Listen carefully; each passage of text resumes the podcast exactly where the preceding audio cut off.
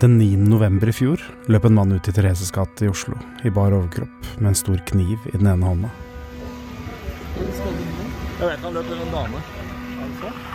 Han ropte på fremmede språk, veiva med kniven og jaga tilfeldige mennesker nedover fortauene. Så kom politiet. De kjørte ham ned og skjøt ham. Her er NRK Dagsnytt klokka er 11.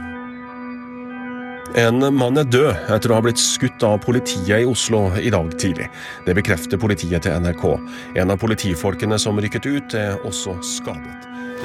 Vi starter med drama på Bislett i Oslo. Mannen som ble skutt og drept av politiet i formiddag, var på permisjon fra tvunget eh, psykisk helsevern.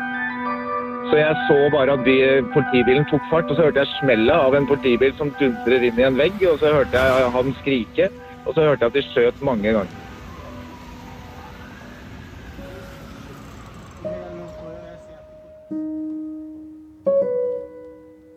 Det var Rustam Louis Foss som døde den morgenen i fjor, og denne podkasten er et forsøk på å gå opp alle stiene som endte der, utafor en blomsterbutikk i Thereses gate.